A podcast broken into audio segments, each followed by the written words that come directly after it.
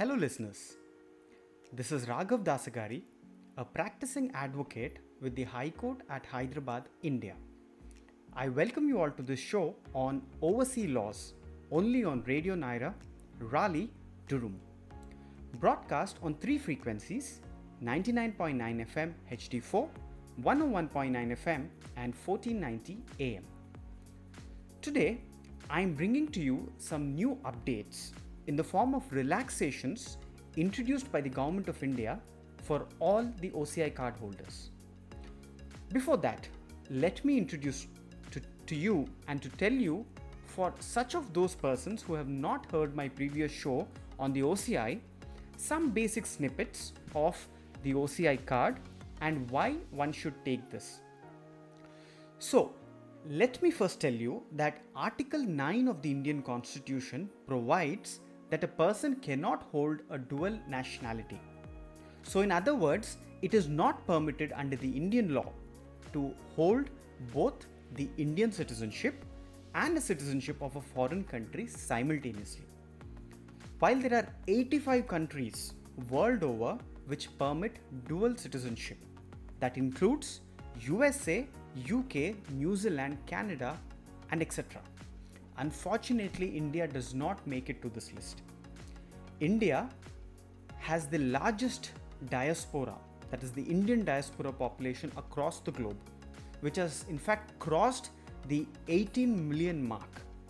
The Indian government, keeping in mind with the needs of the ever growing Indian diaspora overseas, introduced rather a hybrid model, which in a sense is a compromise made to the ban on dual nationality. Now, let us discuss what is this hybrid model all about. We have all heard these frequently used terms such as NRI, PIO, OCI, resident of India, non resident of India. You know, in fact, a lot of people use these terms interchangeably. They think they all mean the same. But let me tell you, fundamentally, every term is different and they all mean a lot different from one another. Say, for example, NRI. This stands for non resident Indian. So, a NRI is a person who is resident outside India but who is a citizen of India. The day an Indian citizen acquires foreign citizenship, he automatically loses his Indian citizenship by virtue of the law in India. So, if a person has ever held an Indian passport and has obtained the passport of another country, they will be required to surrender their Indian passport immediately after gaining another country's nationality. Now, let us come to what a resident, resident of India mean. This means a person residing in India for more than 182 days during the course of the preceding financial year and who has come to, to stay or uh, either in India for either taking up employment, carrying on business, or vocation in India, or for any other purpose that would indicate his intention to stay in India for an uncertain period. Now let's move to the other term, which is the PIO. So, PIO stands for Person of Indian Origin. The Indian government introduced a scheme on uh, 19th August 2002. Under this PIO scheme, the PIO card holders can visit India without a visa for 15 years and will be required to register with the Foreigners Registration Officer, which is also known as the FRO, in India when the stay exceeds 180 days continuously. Now, what is the eligibility of PIO? Back then, when the scheme was alive or in force, a citizen of a foreign country who had at any time held an Indian passport, or he or either of his parents, or his grandparents or great grandparents were both were born in or were permanently resident in India, or the person is a spouse of an Indian citizen or of a person of Indian origin. So these are the eligibilities for persons to apply for a PIO card. Now, PIOs enjoyed parity with non resident Indian citizens in respect of certain facilities. but they had no political rights and could apply for Indian citizenship after residing in India for a minimum period of 7 years. Now, PIO card was a valid travel document only until 30th September 2020 along with a valid foreign passport. Wait, you really don't have to remember all this or rather think too much about this because the PIO scheme is now with effect from 6th January 2015 stands merged with the OCI scheme. So only as on today it is only the OCI scheme that remains in force. So now let's understand what is OCI all about. So OCI stands for the Overseas Citizenship of India. The Indian government introduced the scheme on 2nd December 2005. This scheme has much more benefits than what the PIO scheme offered earlier. So there are a host of great advantages one has under the OCI scheme. Like OCI facilitates multiple multi-purpose lifelong visa to visit India. For OCI cardholders, there is exemption from registration with police and other authorities for any length of stay in India. OCI cardholders can purchase real estate properties except agriculture properties. Registered OCI cardholders shall be treated at par with NRIs in the matter of inter country adoption of Indian children. OCI cardholders can also pursue professions in India such as doctors, dentists, nurses, pharmacists, advocates, architects, chartered accountants.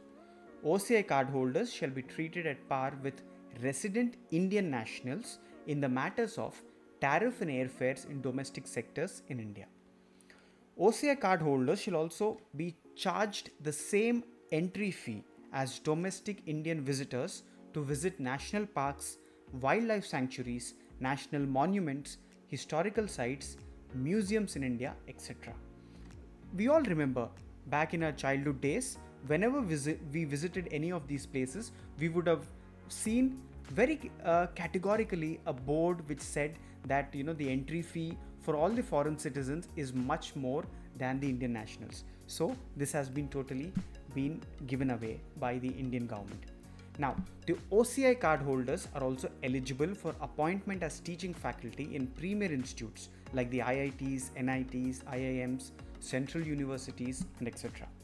Now, there's also parity with NRIs in matters of you know appearing in courses such as All India entrance tests such as the NEET, JEET, or such other tests to make them eligible for admission only against non-resident Indian seat category.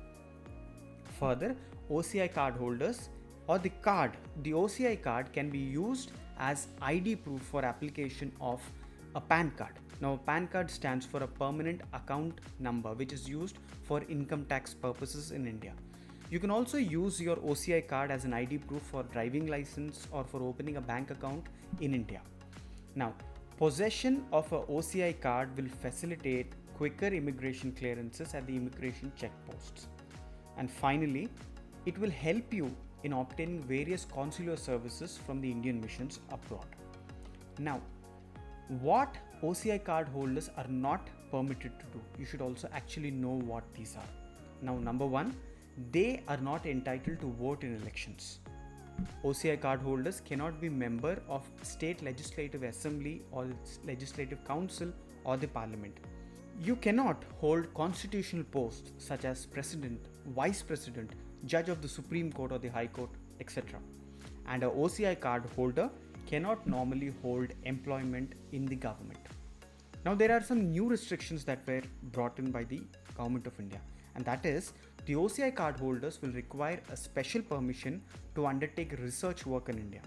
And also, the Ministry of Home Affairs has recently notified that OCI card holders are not entitled to undertake missionary, mountaineering, journalism, and tabligh activities without prior permission from the Indian authorities. Now, having said the benefits, we can safely move on to understand the eligibility of who can apply for the status of OCI.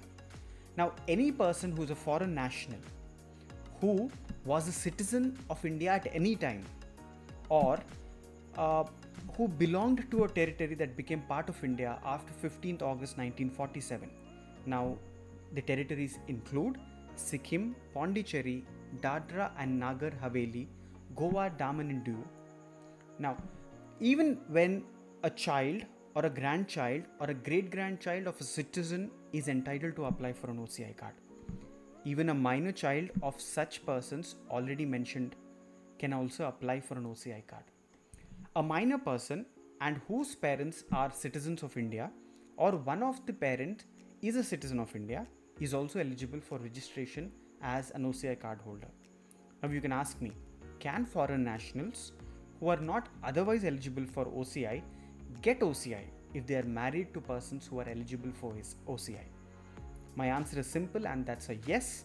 The spouse of foreign origin of a citizen of India or a spouse of foreign origin of OCI card holder and whose marriage has been registered and subsisted for a continuous period of not less than 2 years immediately preceding the presentation of the application for OCI.